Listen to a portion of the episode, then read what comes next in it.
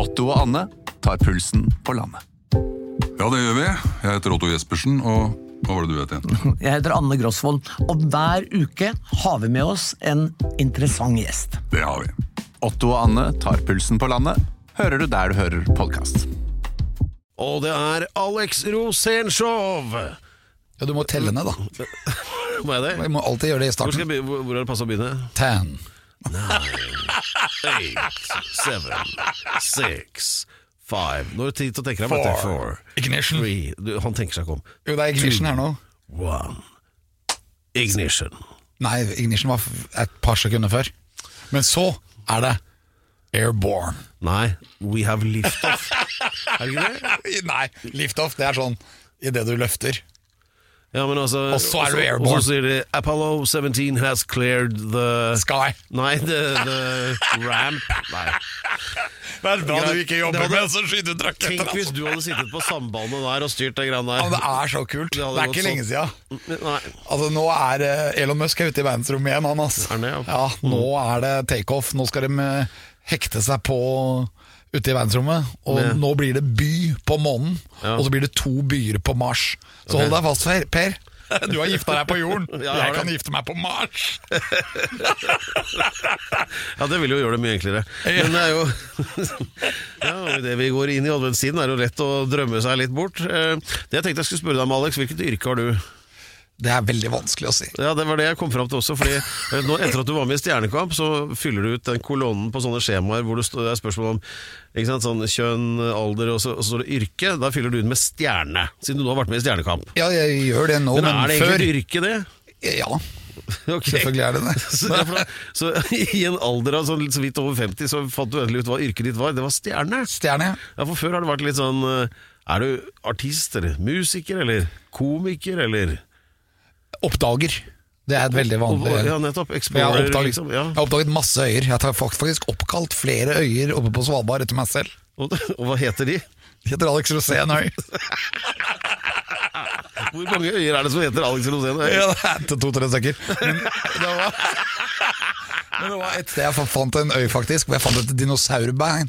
Jaha. Og den heter Dinosaur Island. Ok.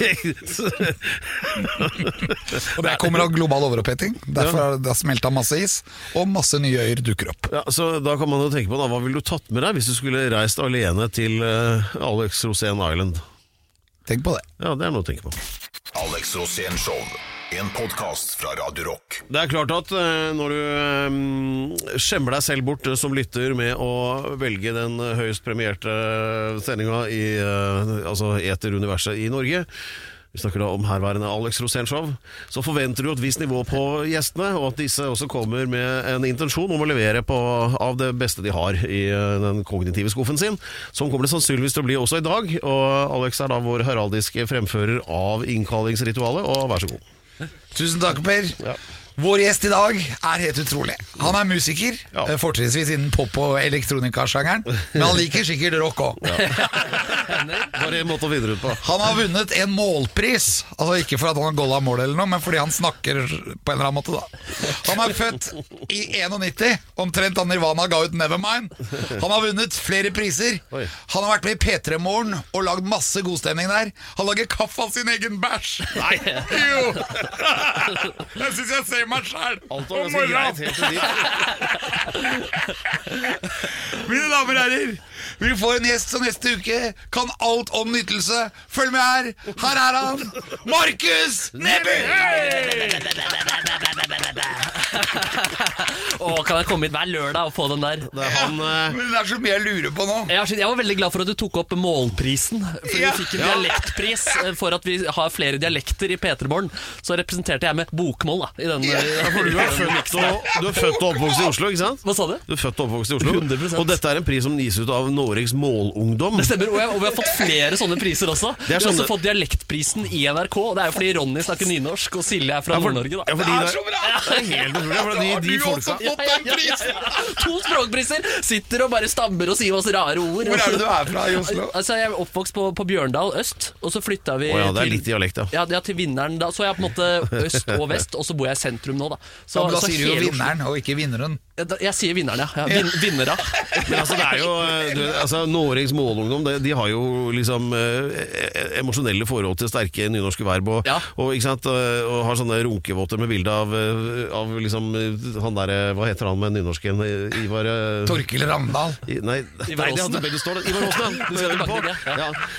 Eh, nok Nei, om det var men da, gratulerer med vi prisen. gikk, er jo, vi gikk jo dit for å motta prisen også. Det var jo samlet masse norsk Altså Hele Noregs Mållag var jo der. Og så skulle jeg da, og sammen med Ronny og Silda, tusen hjertelig takk for den prisen her også. Fikk en sånn cap som det sto 'mangfold' på også. Så jeg er, jeg er en språkambassadør, da. Kysset du pokalen? Om jeg, jeg slikket den, Alex. Og det er så kult når det blir tungekyss med pokal! Ja, ja, ja. Det er digg, altså. Ja, ja. Men, det er jo, men altså, nynorsk er ganske fett. De, har mange bra Sånn som det du sa nå. Mangfold. Mangfold, ja. Altså, det er jo noe ved det. Og de har sånne verdsomfemnande. Ja. Altså, det høres ut som det betyr noe, da. Det er veldig bra, altså, min- kollega Ronny Brede også har jo et fantastisk språk og en kraftfull stemme. Vi pleier å si at han, altså, han hadde blitt statsminister i Norge fordi alt han sier, det får en sånn tyngde og troverdighet, selv om det bare er 'jeg vil ha hamburger'. Så, så føler du at det er noen nobelpris over det. Der ligger noe over det, altså. Ja, ja, ja, ja. Det er hamburger Det hørtes ut som, hørtes ut som Einar Førde. Altså, Han var kringkastingssjef Ja. sånn 20 år før du ble Han sa født. hamburger her. Nei, han, sa vel ikke, han nevnte vel ikke det. Han, han sa vel heller pinnekjøtt, tror jeg. Men, eh, at, eh, men ellers var det mye det samme. Ja. Um, og det ene du ikke nevnte da i den eh, improviserte CV-en her nå til Markus, det var jo det at han er altså da sidekick i Ja. det, det, det, det, Jeg vet det, jeg kan hoppe over det, skjønner du. det, det, det, kommet med i Wikipedia-artikkelen som du leser fra. Kåss til i kveld Det er det han dere ikke Du nevner yrkeslivet mitt fra i fjor. Ja, og for gratulerer. Ja, Det blir pris der òg, vel. Det regner vi med. Ja. Vi skal, vi skal faktisk, nå, nå lager vi en Best of-sending. Det er Vanligvis så bare setter du sammen masse klipp fra sesongen som har gått, men vi har valgt det å gjøre det til Kåss til kvelds awardshow. Så, Ja. så vi deler ut de beste øyeblikkene fra sesongen som har vært. Feirer oss sjæl, da. Med Og for vi, for vi, jeg har vært gjest, jeg òg. Om du skal få plass i den sendinga. Ja, herregud. Alex har passert 50, han er altså så glad i sånne diplomer og pokaler. Han får, han får aldri noe, han får bare sparken. Sant? Men, nå her, bare for et par uker siden så fikk vi sånn der pris, radiopris for klart eh, beste radioprogram, og da har har jeg aldri sett den så rørt, jeg. Og jeg tror ikke han har sovet siden. Men så fortjent. Ja, ikke sant? Ja, ja. Og nå får du kanskje en pris Hvis du nå, nå liksom prøver å bestikke litt, da, skjønner du. Ja, for, for, for nå, nå skal du gi ut pris. ja. Å, jeg burde hatt med her, ass! Årets historie for Kjell Bekkelund og Homomannen. Ja, den eh, hører jo til på NRK, for så vidt, den storyen der. Ja, Men det vil si at Vi hadde Alex i sofaen her. Det, er, det var så vill stemning å ha der. Med Kevin Vågenes, Wenche Myhre og Alex Rosén i bare turbass. Det var bare en helt Det føltes ut som på en måte hjernen fortsatt er på rehab etter, etter den sendinga. Og Wenche Myhre. Og Wenche Myhre, som satt der og ulte i sofaen som en ulv også. Nei, det var Ja, nei, det var- prøvde hun, du- prøvde er du- mangefasettert. Er mangefasettert. Du prøvde å kline med henne? Nei, er du gal? Jeg er ikke sånn som deg, jeg, Per. Faen, Per, det- du skal alltid kline med Nei, vent nå, det var Vibeke Løkkeberg. Det var Vibeke Løkkeberg, Du. Gjorde det nå sist? Ja, nei, det er jo sånn på NRK, der er jo Altså Venus passerer veldig nært over eh, det der festrommene på NRK der, det unevneligheter har jo skjedd i årtier. ja, ja. Vet ikke hvordan det er nå, det skal vi få en liten oppfrisking på, for at nå er jo du lørdagsprinsen, eh, Markus. Nå vet du om eh, hvem som kopulerer med hvem, og dette skal vi få på plass. Eh, tenker det holder, jeg, og gleder seg til det om litt. Dette er altså det selvrensende Alex Rosén-show, som kanskje fremstår som et eh, inferno av uselvfølgeligheter og fylleindusert afasi, men eh, som for så vidt også stemmer. Men uh, det, vi snakket om NRK, og vi har besøk av Markus Neby, som også er lørdagsprisen. Hei, hei, hei. Og uh, vet da om alt som foregår i de mørke og sjeldent vaskede korridorene på NRK. Uh, Hvor, altså, det er jo arnestedet for alt som er moro i Norge, egentlig. Er sånn, når man er ung, så kan man være på NRK og, og bare la seg blåse over ende over alt det rart som foregår der oppe. Er det din opplevelse også, Markus? Nei, altså det, jeg tror folk har, det er kjedelig. Altså, jeg tror folk har blitt litt uh, kjedeligere etter hvert. Altså. Det er det, er ikke så mye Og nå er det jo eh, Det er ikke så mye sånn tafsing Det er, det er ganske lite av det, faktisk. Men er det mye ugagn? Nei, jeg føler ting er, det er kjedelig, da, men at eh, det er ganske kontrollerte former. Det er ikke så mye sånn uh, altså ting så, Jeg ødela litt av kontorlandskapet en gang, for jeg kjørte rundt på sånn bonemaskin. Eh, Da hadde vi akkurat fått ny sjef også, og så gikk den litt ut av kontroll, så veggen ble ødelagt og måtte repareres for noen, for noen kroner. Men da var egentlig sjefen veldig sånn i ja-fasen, akkurat ble ny. Det går bra. Mer av det der, egentlig. Jeg tenker mer på sånn om, om altså, damer som er er, eh, jobber i produksjon på underholdning, ligger med programlederne i Sportsrevyen under eh, TV-resepsjonen og Jeg lurer på om Det det, er så- forsvant det- med Quizdagen for noen år siden. Om det, det var siste, siste gang. Ja, det forsvant mye med, med Akerø. Med Akerø ja, ja. Han, har, han har levd på NRK. Uh, men ja, nei, det er ikke noe Nå er jo altså Else er jo også ganske singel, og jeg er i et Ja. avstandsforhold under pandemi, så vi Ja. er nok også den programlederduoen i Norge som, Som har minst nærhet eh, av, av de fleste. Ok. Ja, nei, sånn er, jo, sånn er det jo for alle. Ja, ja. Um, Vi må, da må vi, da, vi må gratulere Per. Ja, ja. For vi har med sjampis her. Han har gifta seg, vet du. Hvor fersk snakker vi? det er To dager siden. To dager Vær så god, Per. Tre dager, ja. Her er sjampis. Det er er, ikke sjampis, da. Det er, det er burgunder med bobler. Ja, det er det. Du går jo eh, tradisjonelt for alkoholinnholdet, og det er eh, høyt og jevnt her. Ja, har dere drukket nå? Vi Er, er alle edru som sitter her? Ja. ja vi er det. Ja. ikke helt, men Nesten.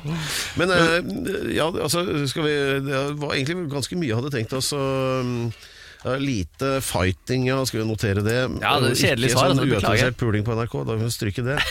Vi, vi hang nemlig, når vi var i NRK, så hang vi en tynn tråd hele tida. Det var liksom Hver dag var en kamp mot Ja, det var ikke trygt. Nærkringkastingsnemnda. Det var ikke trygt å være rekvisitør på din produksjon der. Nei, nei, og i hvert fall ikke sånn effektmaker. Nei. De sprengte jo hele tida. Ja, verste Men søkte dere om tillatelse, eller, var, eller bare gjorde dere det? nei, Dere nei, vi, på? nei vi, vi hadde en eh, spesialdeal med et par av disse gutta vi kjente på rekvisittavdelingen. Men siden du nevner det, da. Ja. En gang hvor eh, Det var jo den gangen vi sprengte en sånn stretchlimo oppe i Sørkedalen med 70 meter høy flamme. Og, ja, eh, men det, det mest skremmende den dagen, eh, hvis du lurer Ja. altså, Da hadde vi med et par stykker fra rekvisittavdelingen som var, eh, hadde med seg en pappeske. Oppi der så var det jo sju-åtte sånne norgesglass med svartkrutt. Det smeller ganske høyt. Og også diverse tennvæsker og hva det nå var. Altså alt som, sa, alt som kan si pang, var oppi den pappesken. Og så fylte de opp meg. Det som var Ideen det var at Alex skulle stå på snowboard nedover Villeløypa. Og så hadde de sveisa på sånn der eh, sokkel for romersk lys foran på snowboardet. Så skjøt ut sånne er? kuler. Romersk lys. Sånne ildkuler som kommer med Bom, bom, Som blir skutt? Ja, og så sto de oppi svartkruttet Men det, som, men det som var tabben her, det var at alt var gjennomtenkt. Altså Kamera og vi da i crewet, sånn seks-sju mennesker, sto da på siden av løypa. Så skulle han kjøre nedover i hvit dress på snowboard og prøve å treffe Frode Kyvåg, som kjørte foran på Du vet hvem det var? Nei, nei. Han var landslagstrener i håndball. Det er lang historie, men han, det var i hvert fall han. Og så, men det vi ikke hadde tenkt på, var at vi visste ikke helt når det der romerske lyset fyrte av de kulene. Så det, og, og snowboardet det kan jo ikke peke nedover hele veien, han må jo svinge. ikke sant? Så de kulene gikk jo faen meg over hele jævla Sørkedalen. ikke sant? Det var det var ikke noe så- takt, så kommer, han, så kommer han over hengkanten der på snowboardet, og vi står ved kanten, altså ganske god avstand, 50 meter sikkert. Og så tror du ikke, da. altså Det kommer en sånn ildkule, sånn, og rett mot oss. Og den treffer den pappesken med alt kruttet i. Oi. Og det, det kunne blitt eksplosjon. Altså, det kunne vært sideveggen der, og der sto vi alle sammen uh, Ut med Frode i Jorg. kamera. Og, den, og så bare Og så datt den litt ut fra pappesken, hvor det var et lite brunt merke, og ned i snøen, og så Å, fytti katta. Farlige greier. Ja, Ja, det jeg, hadde men jeg hadde ikke skylda for det, da. Nei, nei, men at du lever, er helt sinnssykt. Ja, det er det. Så eh, det har vært en del sånne nesten-tilfeller. det. Ja, men Pedro, Pedro har jeg hatt med meg helt siden da. Ja, det er hyggelig, ass. Ja, Men da, han er min Else Kåss. Jo, det er hyggelig, ass. Jeg håper Else er med meg så lenge også. Men er det lenger til hun gifter seg, dessverre? Tror du det? Ja, hun har, Har, har, hun blitt, har hun blitt forelsket? Ja, hun har vært forelsket i sitt liv, men akkurat eh, nå så er det ingen i kikkerten foreløpig. Så det er jo steg én, det, da. Hun holder vel det hemmelig før det er eh, bullseye. Ja, det er godt mulig hun gjør det, ass. Men eh, det hadde vært veldig hyggelig da om hun, om hun fant seg en. Hun, hun, hun fortjener det. Men hva Ja. med det der, hun hadde jo til og med en hel TV-serie om å mm, Å prøve, prøve å få barn. baby. Ja, Hun skulle ja. ha baby. Ja. Det, er det skrinlagt ennå, da? Ja, det, det, konklusjonen var vel at den, den trenger vi ikke helt ennå, i hvert fall. Ja. Den babyen. Så fødte hun et nytt talkshow isteden. Det var det som skjedde der. Ah, ja, Ja, det var bra, det òg. Ja, greit det. Men du verden som det har fungert. Jeg vet ikke om noen som sier noe annet om det enn at det er helt aldeles prima. Det er, Det er sykt hyggelig. Ja, men det er jo sånn. Det, er du ikke enig, Alex? Det er jo det. Å ha baby. Og baby. ja. Det er hyggelig å ha baby. Jeg beklager, han har, han har klare øyeblikk innimellom. Ok, eh, Når vi kommer tilbake, da blir det mer om eh, noe med litt mer trøkk i, og det er krenking. Det er noe av det morsomste vi veit. Alex Rosén Show podkast. Det har jo blitt eh, sånn med humor etter hvert, at eh, man snakker jo mindre om, eh, om det er morsomt eller ikke, men mer om noen tok seg nær av det eller ble krenka, eller sånn, liksom for at man skal jo liksom helst ha litt drama da.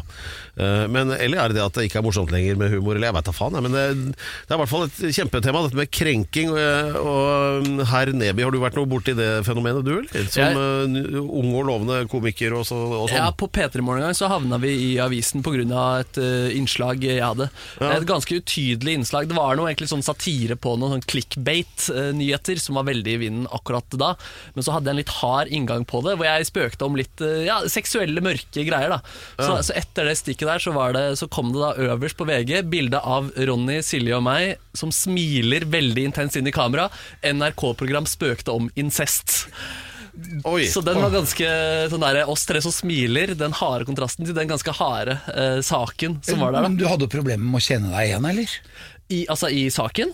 Ja, altså de hadde jo tatt, de gjort det større enn det det var også. Det var jo en, en Man kunne antyde en incestvits inne der, men det var ikke nødvendigvis det. Det som også var litt med den saken, var at det var nærmest bare en oppramsing av alle vitsene. Eh, så de på en måte egentlig bare ga gjenga stikket. Men, men skal vi ta den der, skal vi ta den der Hva går det an å fleipe med og ikke greia? For det er jo ti milliarder mulige Ja. svar på det. ikke sant? Ja. Og, og Har det med intensjon å gjøre, eller er det grenser for hva som kan nevnes og ikke? Eller hva, hva tenker Jeg- du om det? Jeg tenker man bare må gønne på med egentlig absolutt alt, jeg. Men ja. jo drøyere det er, jo smartere må det være. Og så akkurat den eh, der var ikke, den var ikke så smart, da. Så, Men, så men da- er det ikke litt som i, i dagliglivet at hvis man, man kan sånn plumpe ut med noe som Oi, det var litt dumt sagt, kanskje. Ja. Men hvis det ikke var vondt ment, Ja. så er det egentlig ikke så ille. Ja. Men hvis det er ondsinnet, så er det ille. Det er sant, men altså, hvis det ikke var vondt ment, og du gjør det i media, da, så burde noen si fra til deg, Fordi da, Ja. er, du, da er du ikke opplyst. da Eller sånn der, Nei, det kan du si. Du, du mener jo ikke noe vondt med det, du er bare litt idiot. Ja. Og hvis du er litt idiot, så er kanskje den motstanden Ja. sunn for deg og alle andre. Apropos det, kom jeg på en ting med deg, Alex. Um, Idiot. Jeg, jeg, bare kom på det. Vi hadde et opptak hvor eh, Dette er 20 år siden, tror jeg. Og eh, da var vi veldig inspirert av den derre um, Twin Peaks-greia, hvor det var en kortvokst i rød dress som gikk baklengs over et sånn rutete gulv. Ja, veldig Det var bra sånn som ikke sa dverg, gjennomgående- forresten. Uh, Ja, bra, der, der, og der er vi inne på det. Og Det var liksom komplisert opptak som vi hadde da nede i byen her på en sånn pub hvor det var sånn rutete gulv, og så hadde vi da jobbet mye med å få tak i en skuespiller, kortvokst, som de selv også insisterte på av hva begrepet vi måtte bruke, Ja. uh, som skulle gjøre det da i forbindelse med en sånn scene. Han snakket mye om hvordan vi skulle gjøre det, og masse greier. Du vet, Man holdt på liksom i tre-fire timer for å filme ti sekunder, ikke sant. Eh, og Alex var, er jo litt utålmodig av seg, uh, og går rundt og har i grunnen brent av alt kruttet lenge før opptak. Som vanlig. og, og hvorfor kan vi ikke bare begynne? Kan du bare trykke play og rekk og starte? Det er det han pleier å si da. Uh, og så akkurat like før da vi skulle begynne, så så, så ikke da angjeldende skues kortvokste skuespiller, som visstnok da skulle være veldig følsom på dette, og, og, og manager var der, var der og sa at bruk ordet kortvokst for kult, og vi var veldig nøye på det. Og så var det rett før opptak, da blir det helt stille, og da er det sånn der, da er det klart for ham, da skal han komme ut fra der han hadde skiftet og, og sånn. Og så kommer Alex, inn i, tramper inn i lyset. Hvor er han dvergen nå? Hva, ble, han, ble han sur da, eller hvordan, hvordan gikk det? Brøt sammen. Og, Oi, såpass, ja. vi- Nei, nei, nei, han gjorde ikke det. Han var så fans. Ja, vi, vi sier det. Vi sier Ja, han var drinkklar, alt. Men, var, men hva syns du? Var, krenket, var det krenkende? Om det var krenk? Ja, altså Hvis han følte seg krenka, så tenker jeg det er greit. Og det går jo bra å si kortvokst isteden også, hvis han opplever det som en nedsettelse, ned, nedsettende betegnelse. på en måte Ja, men, men det var jo Hva med soper? Ja, det er, det er vel rett og slett er ikke, det, er ikke det et stygt ord for homo, da? Jo, men jeg husker jeg har, jeg har jo kalt folk det uten at jeg har ment at de er homo. Ja, at, ja, Du kun bruker det som en altså, sånn dust, på en måte. Nei, men ja, ja, eller for eksempel det da. sa jo, det sa jo den, han- Hvem var det igjen da som hadde sagt soper nå? Det var noe fotball et eller annet. Ja. Og så unnskyldte seg dommeren. med at å, ja, men jeg, jeg visste ikke at det var det det betydde. Jeg trodde soper bare betydde tulling eller eh, og- Eller og gatefeier. Nei, ja, men altså ja, ja. Det var jo det jeg trodde. Virkelig. Jeg Altså, husker, husker går ikke det når an- vi var oppe i Nord-Norge og skulle filme han samen som sto og feide i gatene. Så sa jeg 'jævla soper'. ja, men jeg veit at det var i hvert fall på kanten. Ja, ja. Og så tenkte jeg da at det går. Ja. For Ja, at det, er, jo morsomt å være helt på trynet. Ja, ja. Nei, men De begrepene er jo litt sånn vanskelige. Da. Altså, sånn, eh, soper er jo eh, generelt en nedsettelsesbetegnelse for homofile. Så, så sånn at eh, de vil ha en slutt på det, og særlig at man bruker da homo som et skjellsord. Jeg kan skjønne at det, det sårer litt. på en måte. Ja, Ja. klart det. Jo, jo, Det er- det er ikke noe skjellsord. Nei, men så er det intensjonen igjen, da. Nei. Det, det er jo intensjonen igjen, ikke sant. Det er jo noe med det. Ja, men så er det også at noe på en måte så henger igjen sånn fra litt gamle holdninger, så da trenger man at man uh, arresterer det for at man skal eh, gå framover og bli et helt woke samfunn. Men jeg syns eh, også at det er veldig stor forskjell på hva du sier med tonefall, Ja. i forhold til hva du f.eks. skriver på nett. Ja, ikke sant? Så hvis han eh, fotballspilleren hadde sagt 'jævla soper', så hadde, så hadde det gått bedre. Ja, men jeg skjønner ikke at det var gærent når han sa det, for han var jo forbanna. Ja, ikke sant? Men jeg tenker på hvis du skriver det på nett, så står det der. Da er det sånn Det er ikke sagt med den konteksten du Ja, kan du får ikke fram si, glimt i øyet. Ja, riktig. Ja, ja, For du kan jo også være det at vi må jo ikke glemme alle ordene heller. Nei, ikke sant. Nei, folk, nei, folk, og folk blir jo støtt for så mangt, da. Uh, så man, uh, lytterne dine her tåler vel ganske så mye. Ja, men det sitter sånne folk som blir forbanna du, og hører sant. på bare fordi at de skal bli forbanna. ja, jeg venter på det. Sitter med kaffen og tastaturet og en liten sigar. Ja, men det er litt sånn, eh, ja, og Noen ganger så er det noen som reagerer bare for at de hører et ord. Altså Hvis du f.eks. bare sier 'same'. Ja. Så, sånn, å, mm, mm, mm, mm. Du hører den der tikk, tikk, tikk, tikk ikke sant? Der, Du kan ikke egentlig Og hva kommer nå? Hva er galt med de nå? Ikke sant? Det er jo øh, Og det mener jeg er litt sånn tull, da. Ja, Det er jo det. Ja, eller hvis, er hvis noen er en samisk, så må det være lov å omtale de for samisk. Men eh, jeg vet ikke, jeg blir folk sure for å bli kalt for same? Jeg, nei, det vil jeg jo ikke tro. Men, er nei, men altså, det er jo sånn øh, vet ikke, jeg- husker for, for eksempel Otto Jespersen hadde en sånn monolog der, da, da Nelson Mandela ble, slapp ut, og, eller ble valgt til president da, i Sør-Afrika. Så Nei, han fikk Nobels fredspris, sånn var det. Eh, Så sier Otto at eh, eh, Nei, nå, har, nå skraper en bånd altså, i Nobelkomiteen. Nå har de gitt fredsprisen han der Nelson Mandela. Det er jo ikke bare det at han er neger, han har jo sittet inne nå. Dæven, ja. ja, ja. Og det, og det, det ikke sant, ikke sagt du i dag, an- hadde han- anstrengt rundt der nå. Ikke sant? Ja, Ja. det går, nå går ikke det. Nei, nei. Og det er forskjellen på nå og 20 år siden, egentlig. Ja, så er det sånn der, er, var, er folk mer bevisste nå, eller er det rett og slett at folk, altså flere folk har tastaturer? Så det er flere folk som blir hørt øh, nå, og da hisser man seg opp over så Og så har det vært terror Og så har det vært terror. Og, det er og masse en- sånne ja, ting. Ja, Og så er det jo høyreekstreme. ja, ja. Og det er masse sånne ting, og derfor så må vi bare bli mest mulig politisk korrekte, alle mann, Ja. for å støte de lenger vekk. Men sånn som med den saken som havna med meg, da Peter Morgen spøkte om eh, incest, så var det jo det, det hadde nok ikke blitt en sak om det ikke ble en sak på vår Facebook-side, hvor vi hadde lagt ut et bilde, og det var masse kommentarer med folk som var støtt. da Så saken er jo da bygget opp rundt uh, de folka som sier ifra. Uh, så, ja, så da hadde jo kanskje ikke den saken kommet for 20 år siden heller. Ja. Nei, øh, vi får vel ikke løst det i Eller kanskje vi får det, men Vi ikke, får det, men vi får det i neste stikk. da må vi ha litt kaffe først, bare. Noe av det som er så fint med podkast, det er jo at du kan høre på samtidig som du gjør noe annet. da Rydder i kjelleren eller boden, f.eks. Og alt du trenger av flytteesker og oppbevaring, det finner du på Ja. Da har vi håndsenket en marshmallow ned i samtlige kakaokopper her inne i eh, lokalene til Alex Rosénshow. Dempet lyset, økt varmen og forventningene. Og eh, det er da sånn at vi har eventyrstund, skjønner du, Markus, en gang eh, i hver episode. Og det er da Alex deler en historie fra sitt mangslungne liv. Ja, det er mye greier. Ja, det er det. Ja. Og det mange tror er at han sitter og dikter opp dette. Nei, det gjør han ikke. Det var egentlig verre, pleier egentlig å være. Ja. Ja, Du må tone ned historiene dine. Ja, og så har det, det har, alle har skjedd. Ja, ja, ja. Da, det er det som er så sjukt. Det er faktisk noen ganger blitt tatt for å være Jesus. Ja, og det er jo helt vilt. Så må du ikke si Nei, jeg er ikke Jesus. Ja, Du er historiefortellernes Jesus. Ja. Er, Og hvis jeg, ikke, hvis jeg ikke tar helt feil nå, så skal vi tilbake til Markus Neby sitt fødselsår. Og- ja, hvert ikke så langt unna. Nei, vi er, vi er rett ved der hvor du ble født. oi, spennende. Ja. For du er jo ikke så gammel, du. Jeg er født i 91. Ja, Da er du 29. Riktig, riktig. Du kan regne også. Det er jo fantastisk. Da er du jo voksen, faktisk. Ja, det nærmer seg nå, ass. Ja, det, du er det nå. For Ja, det skjer noe når du akkurat har blitt 25. Da begynner de gamle, sånn som meg, å ta deg seriøst. Ja, ok. Shit, jeg har ikke begynt å merke ennå. Nei. Jo, men jeg, jeg tar deg seriøst selv om jeg ler. Det er bare fordi det er i godt humør. Men det, denne historien her da, den er ganske sinnssyk, fordi at jeg var veldig ung. Jeg var vel på din alder for ti år siden. da Så 19 år. 20 år. Jeg hadde akkurat kommet ut fra militæret og var litt sånn frynsete etter å ha sittet mange dager i Kakebu. og så hadde jeg blitt med i en sånn fri teatergruppe som het Artists for Liberation. Og jeg var den eneste hvite. Oi. Alle de andre var enten fra Senegal eller fra Tanzania eller Pakistan. Altså, og alle var fra hele verden. Oh, yes. Det var til og med noen svarte fra Amerika som hadde, hadde soul i seg. Fins det opptak av det? Ja, eh, jeg har i hvert fall noen, eh, noen bilder. Ja, Det vil jeg gjerne se. Ja. Vi er veldig glad for at Vi kom jo til Amerika. Vi, har, vi vant en sånn teaterkonkurranse. Så vi skulle reise til Amerika. Oi. Og så skulle vi da til Aruba, som ligger i Karibia. Og Der skulle vi være med i en teaterfestival og få en, en pris. Fordi vi var inkluderende, og at vi opprettholdt samhold samtidig som vi var bærekraftige. Det er litt som min mållagspris. Der. Du på en måte som den bokmålet nordmannen får mangfoldsprisen. Ja, det er akkurat sånn! Vi skulle ned og hente den prisen, men det skjedde aldri. Fordi vi lander i Amerika, og så dør hovedrolleinnehaveren i Norge. Og da er det jo sånn at da blir jo vi sittende alene. Og Jeg husker jeg var et blakk, jeg var 19 år, jeg hadde jo aldri tjent penger. Ingen. Jeg hadde tjent penger, men jeg hadde brukt dem opp før jeg hadde tjent dem.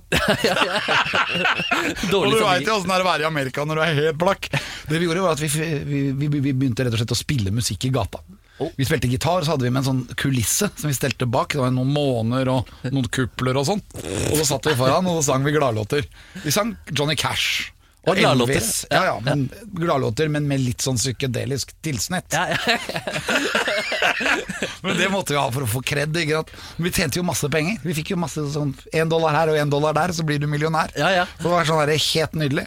Og plutselig så bare tenker vi at vi skaffer oss en bil. Vi skulle være der i tre uker. Vi hadde ingen sted å bo, ingenting. Så dro vi av gårde og kjørte bare opp gjennom hele Amerika. Gjennom, Vi leide en bil da, som vi hadde forsikring for å kjøre to mil.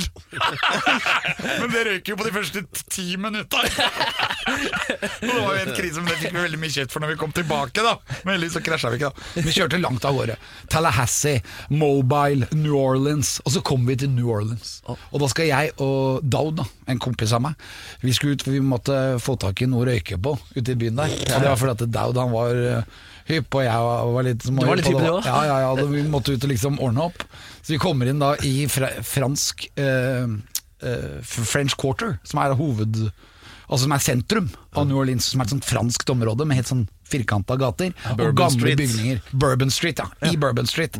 Og så finner vi da en kamerat, da, og han ene kameraten, da, han fra Tanzania, han er liksom vårt talerør. Så han går rett bort til han der til en annen kamerat, og så er de brothers. Ikke sant? Så vi er liksom i samme familie, da. Utenom meg, da, for jeg er den eneste hvite, så de skjønner jo ikke hva jeg gjør der. Men jeg står da bak, og så, bare, og så, og så lirker han opp et par dollar, da. Og så får han en sånn Det så ut som en dorull med papir rundt. Han skulle få gave, da. Så gir han penga til han kameraten, og så ser jeg at det er ingenting inni den dorullen. Og så ser jeg han, han svarte fyren som får de penga, han snur seg rundt og løper av gårde. Og jeg har jo sett masse detektiv eh, Altså, jeg har sett Clint Eastwood. Ja, ja, ja. Han er jo helt sinnssyk i Dirty okay. Harry. Så jeg veit akkurat hva du skal si. Og jeg bare reiser meg opp, bare lynraskt bak eh, Nazibu, han som står der. Så bare opp der sånn Freeze, motherfucker! og han fyren, han kan jo engelsk. Han er jo fra Amerika, så han bråsnubler og legger seg flat utover hele gulvet. Og jeg løper opp baken, og så vipper jeg ut den der eh, dassrullen, da, og der lå penga som han hadde fått. Og det var jo kanskje 50 dollar, eller det var veldig mye penger for oss. da Vi var jo fattige musikere på tur. Så jeg vipper opp den der eh, femtelappen. Idet jeg gjør det, så ser jeg akkurat bare fra to sånne smug To svarte karer som kommer ut med sånn cap snudd bak fram. Og jeg vet ikke hva de hadde i hendene, jeg bare så at de så på meg begge to strengt. Så ser jeg nedover i gata, ser jeg tre-fire andre. Så han hadde jo en gjeng der, ikke sant. Han hadde en hel gjeng, og alle løper mot meg. Så tar jeg den femtelappen, og så snur jeg rundt, og så løper jeg bare alt jeg kan. Og så ser jeg Daud på den ene sida, og Nazibu på den andre, og vi løper. Og så snur jeg meg bare bak en gang, og så ser jeg hele gata er full av den gjengen. ikke sant? Alle hadde tato, alle hadde den capen. Det, det var, og de var bare Det var The Gang. shit. Bourbon Street Gang. Og de bare sånn Hvem sa 'freeze, motherfucker'? Ja, ja, hvem sa det? Jeg visste jo at jeg hadde sagt det. Så jeg bare løper av gårde alt jeg kan, over Rampart og inn i den Slum City som ligger nedafor der. Det er bare slum. Og der hadde vi leid oss inn, selvfølgelig, for vi skulle ha det billigste hotellet. Så vi bodde på et hotell hvor alt utenom ett vindu var murt igjen. Til og med peisen var murt igjen, for at du ikke skulle fyre i peisen. Og så kommer jeg inn der og løper, og vi rekker inn døren. Og jeg er så nervøs, så jeg snur meg rundt, og så ser jeg bare at de gutta kommer inn i trappeoppgangen. Vi hopper inn og lukker igjen døra, og så klarer vi å titte ut det der ene vinduet da, som bare er halvveis murt igjen. For alt var murt igjen, så vi kunne jo ikke se noe. Så ser jeg hele gata blir bare full av de gutta. Oh, shit. Og da bare sier jeg til han kameraten min Nå tar vi det rolig. Bare, Litt sent. nå må vi bare roe oss ned her. Og så bare, men det var veldig skummelt, for jeg hadde aldri vært i Amerika før. Og plutselig så var jeg en sånn gang war i New Orleans. Men det gikk, det gikk heldigvis bra. Men, men hva, hva skjedde da? Når dere roa dere ned? Nei, Vi roa oss ned, og så skulle vi ned og spise frokost. Og du vet når du spiser frokost, det kan du gjøre når som helst på døgnet. da Dette var jo midt på natta, vi måtte ha frokost. Vi, nerv vi var veldig nervøse. Ja, ja. Og du vet når du blir nervøs, så må du tisse. Så vi hadde tissa. Og så gikk vi ned for å få frokost, og da fikk jeg den mest motbydelige frokosten jeg tror jeg har fått noen gang. Det var egg og bacon med syltetøy og, og risengrynsgrøt. Ja, det høres ut Jo, blanda sammen. Så det var umulig å vite hva du skulle spise først. Og det er den der, Det var new, new, uh, American breakfast New Orleans style. Ah, shit, altså. Så det var Da husker jeg satt og spiste det, og så var jeg så glad for at det bare var taxisjåfører der. Det var bare taxisjåfører i den restauranten. Men det var ingen av den gjengen vi hadde sett en time, to timer, tre timer i forveien. Men det var bare Det viktigste er jo det du må lære deg før du kommer til Amerika, og det er å si 'freeze motherfucker' med troverdighet. Ja, men, for, men fordi, eller, du, fordi hvis du ikke hadde sagt det, så hadde du ikke trengt å løpe. Eh, Nei, da kunne vi bare ha blitt lurt. Ja, ikke sant, bare blitt lurt, ja. Altså, men det skal vi og da hadde vi vært helt blakke. Ja. Og det, jeg kunne ikke se på det. Nei, nei, nei. Jeg var nødt til å avgjøre det der og da. Dette her er Nå sånn må hjernen min på hjem igjen, merker jeg. Her er det sånn at både Lonely Planet og TripAdvisor må modernisere informasjonen sin. Fordi eh, Ellers så kan man jo bare fortsette å lytte til Alex Rosenshov. Det er bare, bare her du får den vesentlige typen reiseinformasjon som det der. da Ja. Ja, det er bra det gikk bra. Hvor gikk hvor, ja, jeg er veldig glad for det. For jeg tror hadde jeg blitt fanga, så hadde jeg blitt torturert. Ah, shit, ass. Alex Rosén Show. En podkast fra Radio Rock. Dette er Alex Rosenshov, og vi har øh, besøk av selveste Markus Neby, som er altså da øh, den nye lørdagsprinsen på NRK. Vi gidder ikke å nevne Else Kåss Furuseth, fordi hun er Nei, men du veit ikke hvem som var den forrige lørdagsprinsen? Som ble kalt for Lørdagsprinsen. Ja, Ja, var- Tande P. Det var Tande P som brukte det begrepet. Nei, jeg vet ikke om han brukte det, men han var, han var en slags prins. Ja, han var prins, Han altså. hadde urtovertiss. Det har heldigvis ikke jeg. Så. Jeg vet ikke hva det betyr. Du er den eneste jeg vet om som kan bekrefte det, så jeg antar at du har sjekka. Men eh, så eh, til noe helt annet. At, eh, vi har hørt da at du har fremstilt altså, Siden vi var inne på altså, oppmerksomhetsfremmende nytelsesmidler, at du har laget kaffe ved hjelp av ditt eget fordøyelsessystem. Ja, det stemmer. Det er sånn de lager kaffe. Verdens dyreste kaffe lages sånn på Bali. Der er det noen aper, eller kattedyr, som heter jeg, jeg Ja. hørte nemlig altså, Ja. Min store helt Stephen Fry fortalte at uh, altså, jeg skuespiller at eh, da han skulle i bryllupet til prins Charles Ja. Ikke det første, det andre.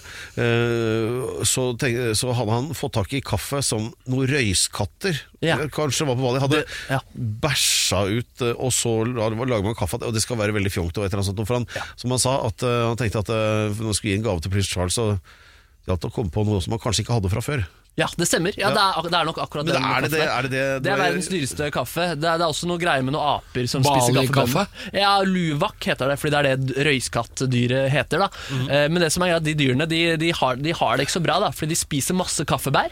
Også, også, Det er det eneste de spiser, og det gjør at de blir helt gærne. Men så driter de ut kaffebønnene som det er inni kaffebærene. Og disse kaffebønnene som er inni bæret, det er det de lager kaffe av. Og da mener man der, på, der at eh, det at den går gjennom deres fordøyelsessystem, gir denne kaffen en ekstra god smak. da så det lages rett og slett på driten da, til eh, disse røyskattene. Så Ja. jeg tenkte sånn, dæven, kan ikke vi mennesker gjøre det istedenfor disse stakkars kattedyrene? Ja, men du plukker vel ut de frøa, da. Du Du tar ikke all driten. Nei, ja, ja, nei så, men de plukker omtrent bare Ja, ja, ja. Så du plukker ut, og så renser du det selvfølgelig, og sånt, så det skal gjennom en prosess, ja. Så det er ikke liksom rett fra rassen i kjeften, på en måte. Men, Nei, klarer, nei. men, klarer du på en smakfull måte å beskrive hva du gjorde? Ja, så da fikk jeg tak i kaffebær. Det fikk jeg av Tim Wendelboe, faktisk. En hel bøtte. Jeg har fortsatt flere av de hjemme. Så spiste jeg da jeg hørte med en lege hvor mange kan jeg spise hver dag for at dette er trygt. Han anbefalte meg tre kaffebær hver dag. Eh, Så gjorde jeg det, og så tenkte jeg shit, går det her da? Kommer det til å gå gjennom fordøyelsessystemet mitt? Så lette jeg da dagen etterpå, eh, 24 timer etterpå, fordi det er så lang tid det tar for maten blir til avføring. Og så letter jeg da med hansker i da, dasskåla, og så bare kjenner jeg noe litt hardt inni der, og der var det altså to kaffebønner. Og jeg bare Dette er mulig! Dette er fullstendig mulig! Så da kom jeg på radioen dagen etterpå med disse bevisene på at det er mulig for mennesker også å fordøye kaffebønner på samme måte som disse kaffedyrene. Så da ble det full fest i studio, eh, og så var det da bare rett og slett å spise og drite over et halvt års tid. Og til slutt så hadde jeg da 200 kaffebønner. Dette tok jeg igjen med til Team Wendelboe. Vi fikk eh, brent de, vi fikk vaska de, og så til slutt så ble det laget tre-fire kopper kaffe eh, som da var, hadde gått gjennom mitt fordøyelsessystem. Og det Ja. smakte ikke dritt. Altså, det er delte meninger om det. Jeg mener, jeg mener på ordentlig at det smakte greit. Og vi hadde også noen lyttere til stede, fordi vi, hadde, vi, vi drakk den på jule, siste sending for året foran publikum. Eh, Og det var noen som nesten ikke trodde på det, fordi dette smakte vanlig kaffe. Mens andre brakk seg veldig, da. Ja. Det som var litt jeg husker, det, Hvordan så de ut, da? De som brakk seg. Ja, nei, altså Det var blant annet Silje Nordnes. Hun, hun, hun, Hun brakk seg. Ja, hun slet med å drikke det. Det er jo kanskje også bare noe med tanken. Psykologisk effekt, kanskje. Litt psykologisk effekt. og Hun det- visste hvor det kom fra. hun, om hun visste, ja. ja, ja. Men altså, noen, noen vil kanskje påpeke at det er en eh, noe omstendelig prosess hvis du har lyst på kaffe en dag. Eh, Altså, Det tar lang tid, men det jeg lærte etter hvert da, var at jeg driter i å spise fruktkjøttet, så jeg, jeg skrelte bønnene. Så jeg, jeg spiste 20 hver dag, og så fikk jeg også en sånn potte en sånn legepotte og liksom profesjonelt utstyr for å lete i avføringen min. Ja, sånn Men det er klart-. Profesjonelt eh, avføringsleteutstyr. Ja, ja, altså Som var en sånn liten potte som jeg la da oppå, oppå Oppi dass? Ja, oppå dass, ja. Så det var den jeg eh, bæsja i, da. Ja. Eh, og så da var det bare Hvor lenge holdt du på med Nei, det? da må jeg, jeg satte av en time til den Hver prosessen hver dag. Ja. Fordi det var jo mye Det var litt sånn tidlig korona, fordi det var mye sprithansker og og Og munnbind. Det, det burde jeg selvfølgelig, det tenkte jeg ikke på den gang. Nei. Men ja, ja, så var det da grave med skje, da, som var det jeg gjorde. Finne de bønnene. Som på det meste så fant jeg jo 18-19 kaffebønner i min Var det egen. spennende? Ja, det var litt digg, ass. Det var mestringsfølelse hver gang eh, man fant alle sammen der. Og når vi da til slutt hadde nok, så var det Ja, da var, da, da var det deilig Men- å legge det kapittelet bak Men fant du noe du ikke hadde spist? altså annen mat som Ja, at du eh, ble overrasket? Jøss, hvor kom denne fra? Nei, men uh, man kunne også se hva man hadde Ja, det stemmer, ja, det spiste jeg til uh, frokost i går. Så du fikk sånne oppvåkningsøyeblikk? Ja, ja, ja, ja. Nei, altså, det, det, det gikk egentlig ganske altså, sånn, det, var, det var det, Fordi vi begynte jo så tidlig på radioen. Vi begynte jo seks hver morgen, og jeg gjorde det her alltid før jobb. Så da måtte jeg stå opp fire hver dag. Da. Så i en ganske lang periode så holdt jeg på mellom halv fem og halv seks med å jobbe ganske intenst inne på, inne på baderommet mitt. Ja, det, Du vil, har- det vil si jeg er barista med utvidede ambisjoner. Altså. Ja, du har vært opptatt av å, å uh, Hva skal jeg si for noe? Du, har, du er veldig opptatt av å, å uh, få det til. Ja, det ble et prosjekt, og det var veldig mye engasjement fra, fra lytterne hos også, som bare sånn heide veldig og sendte tips og sånn. Og det endte jo til slutt da med at dette prosjektet fikk sitt eget rom på Vitensenteret i Trondheim. Hvor noen bønder ble stilt dit, og det ble laget plansjer om Så bønder ble stilt ut. Ja, noen, noen kaffe... Altså, kaffebønder? siste- kaffebønner, ikke, siste- ikke, ikke bonder. Nei, ikke, ikke bønder, nei. Trygve Slagsvold Vedum i et lite monter. i et lite monter Ja, ja. mens han driter. Ja, det hadde jeg Men du er veldig opptatt av kosthold også. Om jeg er veldig opptatt av det? Ja. Nei, ikke spe- Eller er det noe du sikter til? ja, jeg sik- sikter veldig til det der du holdt på med når du løp rundt i ring og drakk øl. Ja, det stemmer. Jeg var med på English Beer Mile. Ja, verdensmesterskapet representerte Norge. Ja. Nei, så var et kon- konkurrerte da i Ja, du må fortelle Ja. Pedro hva det dreide seg om. Ja, ja. Eh, Programmet Helt ramme sporter med Nicolay Raab, så skulle vi eh, konkurrere da i verdensmesterskapet i English Beer Mile. Som er da at veldig mange mennesker fra hele verden møtes på en stadion. Eh, av og til så er det på ordentlig stadion med publikum og spiker og fullt trøkk. Ja, Dere hadde jo det. Ja, ja nå, det, det var det nå også, men det var ikke en sånn stor stadion, så det var litt sånn der eh, Men det, ja, poenget er at du ja. måtte drikke. Og du ja. må drikke. Ja. Og så må du løpe hele tida. Du åpner med å drikke 0,35 liter Øl. med øl med ganske høy prosent, og så 400 meter. Drikk det samme igjen, 400 meter, samme igjen. Og så blir Hvordan var det? Nei, du, du gulper mye, da. Ja, men du vant jo. Jeg vant, ja. Det var Hele en stor tida. Du mestrings... er verdensmester.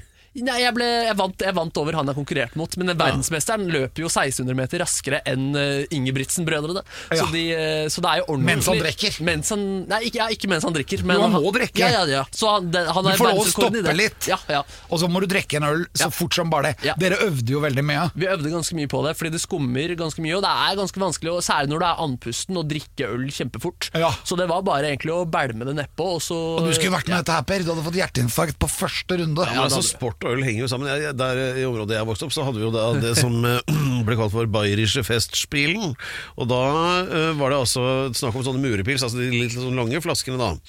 Uh, det var en stafett, måtte ha et rom med litt sånn, gjerne en sal, hvor du kunne ha halvparten av stafettlaget på motsatt side, ikke sant? Og så starter du da eh, bukse ned, eh, flaske åpnet, stå på gulvet, så du må plukke den opp da med Rasshølet. ja, rett og slett.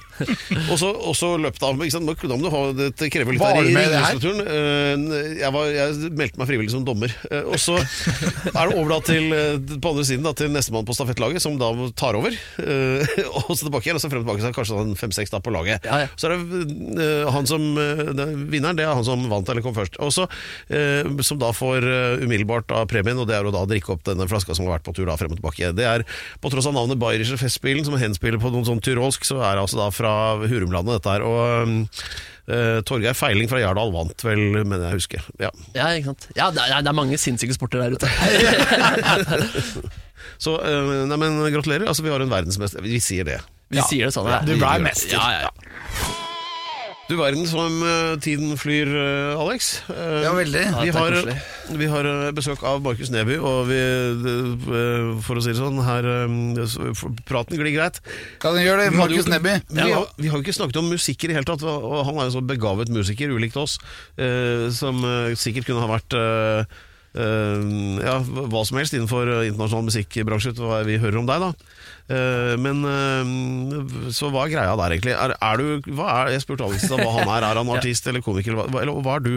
Nei, altså Jeg har jo egentlig satsa på den uh, komikerkarrieren. Er også, jeg, jeg tok et valg en gang, fordi jeg, jeg studerte musikk.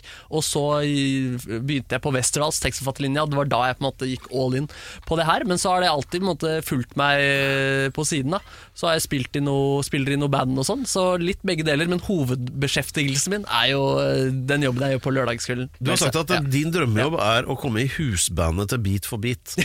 Ja, det, er, det er research, ja. ja. Jo, men det var, det var, det var drømmen min sånn på videregående. og sånn Det var- Da ville jeg bli sånn studiomusiker som spilte Ja, for det er med det du egentlig er, Det var, ja, det var det jeg liksom Du spiller nesten alle instrumenter. Ja, eller jeg spiller mye gitar. Jeg er ganske allsidig på gitar og piano, da. så der har jeg de fleste sjangere inne. Ikke så like flink på piano. Eh, Så, så, så, så det er egentlig bare litt sånn et bra verktøy å ha med seg inn i den jobben jeg gjør nå. Altså, du er jo sånn enmanns, du mangler bare sånn tromme på ryggen, så har du enmannsorkester. Ja, absolutt. ass Jeg har kjøpt meg sånn looper nå, som gjør at jeg kan eh, bygge trommebeats og spille bass og gitar og piano alene. Ja. Men altså, sånn, kommer du til å gi ut noe på alvor noen gang? Altså Med en tekst som du, med noe du mener, og musikk du virkelig føler for? En Kommer du til å gjøre inderlig det? vise. Nei, altså noe, noe som liksom er deg. Altså, Ja. Man uttrykker seg selv og sjelen sin ved musikk, hvis ikke så er det jo tull. Ja, ja. jo, jo det, det er en fjern uh, tanke. Akkurat nå så tenker jeg ikke så, så mye på det, men jeg, jeg tipper jeg kommer til å gjøre det en eller annen gang. Ja. Ja. Men jeg vet ikke hva, hva, helt hva det er ennå. Om, det eh, om det har noe kødd over seg. Jeg er jo, det er, jeg, man er jo glad i så mange sjangere også, så hva, hva går man for? Kontrollspørsmål da. Siste musikkopplevelse du har hatt hvor, hvor du har hørt en låt som tok deg. Du vet hva jeg mener med det. Ja. Jeg syns den siste singelen til, eh, som kom forrige uke, av Daniel Kvammen, en fin visepoplåt sammen med Gabrielle. Hva hører du på rock, da? Jeg hører, ja, jeg har hørt mye, og det var jo det jeg liksom vokste opp litt. Jeg hadde ACDC og Guns N' Roses-plakater hjemme. Og Jeg husker også at jeg sto hjemme på bordet eh, på, på, på barnerommet og spilte liksom Sweet Child of Mine. Så husker jeg det kom inn en rørlegger som hadde gått feil. Da skulle jeg egentlig inn på badet der også. Pinlig øyeblikk. Eh, men eh, ja, så, er- så masse, masse rock, ja. ja. Herregud. Så jeg har sendt brev til noen sånn glamrock-band også og spurt om de kunne komme til Norge og spille konsert her. Her er det dritmasse fans og sånn. Ja. Ja. Men det står, men det står på Google at du er hypp på å drive med elektronika, eller at det er det du egentlig drev med. Ja, eller Det bandet jeg spiller mest med nå, heter Lemetre, og det er en elektronisk popgruppe. Så der spiller jeg faktisk mest synt. Og så har jeg snikt inn en sinnssyk gitarsolo i settet også. Og det er bra. Ja, det er veldig bra. Du må ha en litt doble stortrommer over. Ja, trenger det egentlig. Ja, ja, ja, ja, altså som i Hovmesteren. I hva, altså, som i sketsjen på lille julaften? Nei, altså, Maître de Museau altså, er jo hovmester på fransk. eh, Altså, le maître, altså en mannlig hovmester. Er Ja, det sånn ja. ja jeg, jeg tror det er egentlig oppkalt etter fysiker, men jo, vi, vi sier det er hovmesteren. Ja. Ja, ja. Det var alltid hov... Det var hovmesteren som gjorde det. Eh, ja, nei, det var uh, sidesprang. Men, men, øh, så, men du har ikke noen plan for det? Det er ikke sånn at du sitter og skriver ektefølte tekster i skjul om øh, vonde opplevelser fra langt tilbake som ingen har hørt om? Ikke, Nei, nei, da er det mer sånn at jeg lager en del sånn musikkideer som øh, ligger i en eller annen mappe som jeg ikke gjør noe med. Men nå er det jo på en måte Nå lager jeg nesten et musikkinnslag hver uke til Kåss til kvelds også, så det er jo egentlig Det tar, det tar nok tid, det på en måte. Ja, vi diskuterte litt her altså det, er, jeg har en tenden, det er helt ubekrefta teori, men Ja. mange veldig gode musikere, altså session-musikere, som eh, alle vil ha på innspillingen sin, sånt, har en tendens til å drive og lage tullemusikk. Oh ja, det er kanskje Har litt spennende. Ja, altså, ta Primavera, for eksempel, som hadde de eh, altså, Falsk Mathisen, Teigen, sant? De, gutta fra Lava og Marius Müller og den slags. Altså, topp, topp, toppmusikerne bare. Og, ja, man De lagde, lava, de lagde ikke tullemusikk. Nei, nei, men de var med og spilte på, på det der, da. Og Ja. Så kom jeg ikke på så mange flere. Men, men at uh, ofte så er det sånn at eh, de aller aller, aller beste musikken, eh, altså musikerne som er sånn nerdemusikere, kanskje, Ja. uh, they're in it for the Altså teknikken kanskje litt, og lyden, og, og liksom, kanskje ikke så mye det å uttrykke seg selv så mye, da. Nei, at det handler mer om å prestere enn å formidle. Ja, det blir sånn Flinkis. idrett, nesten. Ja, ja, absolutt. Ja, også, det er i hvert fall en sånn greie, da, særlig folk som kan spille fort, uh, gitarister, at man sier at de ikke, at de ikke har fil, f.eks. Der er det sånn, jeg, jeg mener at du kan være flink til å spille og samtidig ha fil, Uh, men, det, men det er mange som kanskje mangler et uttrykk, eller går for en sjanger som er veldig Ja, flinkis. for altså, andre- Som Steve Lukather i Toto, på en måte. Ja, som for eksempel, så, lager den, der, den mest spilte sangen på radio i verden, Africa. Som Ja. bare, og teksten er bare tull, det har han jo innrømmet selv. Ja. Altså, I bless the rains down in Africa er bare piss, ikke sant? Og, øh, men, øh, men ingenting låter bedre og har blitt spilt flere ganger på radio enn det, så det er et godt eksempel, egentlig. Ja, ikke sant? Ja. Ja, ja nei, jo, det er godt mulig det, ass. Eh, så de perfeksjonerer sjangeren, og da, eh, da kommer det andre i en annen rekke. andre enden av skalaen så har du liksom Bob Dylan som verken kan synge eller spille munnspill, ikke sant? og Ja, han ikke får sant. Nobelprisen. Ja, ja. Så, ja. Yes, men det får vi se deg live, eller? Eh, På konsertscenen. Ja, eller, eller standup, eller Ja, nå driver jeg faktisk med, med show om dagen. Altså. Så nå, ja, nå reiser jeg rundt med Humorgalla med Steinar Sagen og Terje Sporsem og oh, eh, så en veldig morsom jente som heter Marlene Stavrum. Så da spiller jeg litt og, og prøver meg på standup for første gang. Men faktisk. får du noe publikum, da, eller holder folk seg hjemme, eller? Ja, Det ble kansellert i Oslo, da. Eh, Og så har vi noen byer utenfor Oslo hvor det fortsatt er greit med 200 publikummere. Så det er én som ble avlyst der også, vet jeg. Men, men ja, vi får, vi får ha publikum, så hvis folk vil komme og koble av litt her, så er det bare hyggelig. Så kult. Ja, Ja, deilig. Få- få- få litt sånn, ja, du får møtt mennesker faktisk, og stått på en scene. ja shit, så sinnssykt privilegert Ja. sånn sett. Ja, for det det- savner jo alle. Jeg hørte at du har oljemassert Trine Skei Grande. Ja, det var et stort øyeblikk. Og, ass. og, og Siv Jensen. Var og Siv Jensen. var dette og Tande P. Ja. Tande P også? Ja, ja, ja, ja. Oljemasserte du da Siv Jensen med Tande Oh, det var det beste å gjøre alle sammen samtidig. jeg, jeg fikk faktisk Why? Trine Skei Grande Nei, jeg mener at man blir bedre kjent med mennesker da Når, man Når masserer det? Ja. Ja. Det skal jeg bruke òg. Ja, du burde gjøre det. ass. Så jeg fikk jo henne inn i guttekollektivet mitt der også. Så la hun seg ned på en sånn feltseng i stua. Tok av seg litt eh, på overkroppen. Hadde, hadde på seg topp, altså. Eh, men så satte jeg meg oppå henne i morgenkåpa, eh, tok på olje og bare klaska litt løs der. Klaska, ja. Ja, det måtte klaskes litt.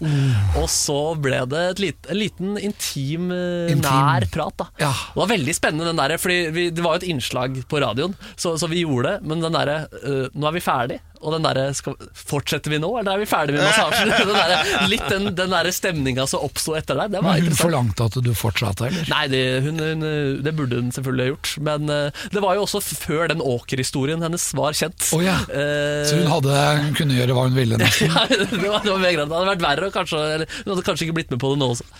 Men Tanne P var også helt eh, nydelig. Altså, Litt mer ru på ryggen. Han var jo helt på bar overkropp der også. Hadde han mye hår? Ja, så, ja, det var en levd eh, En flott mannekropp oppi åra, det der. Det var det, ja. ja, ja, ja. Han ble ikke forbanna.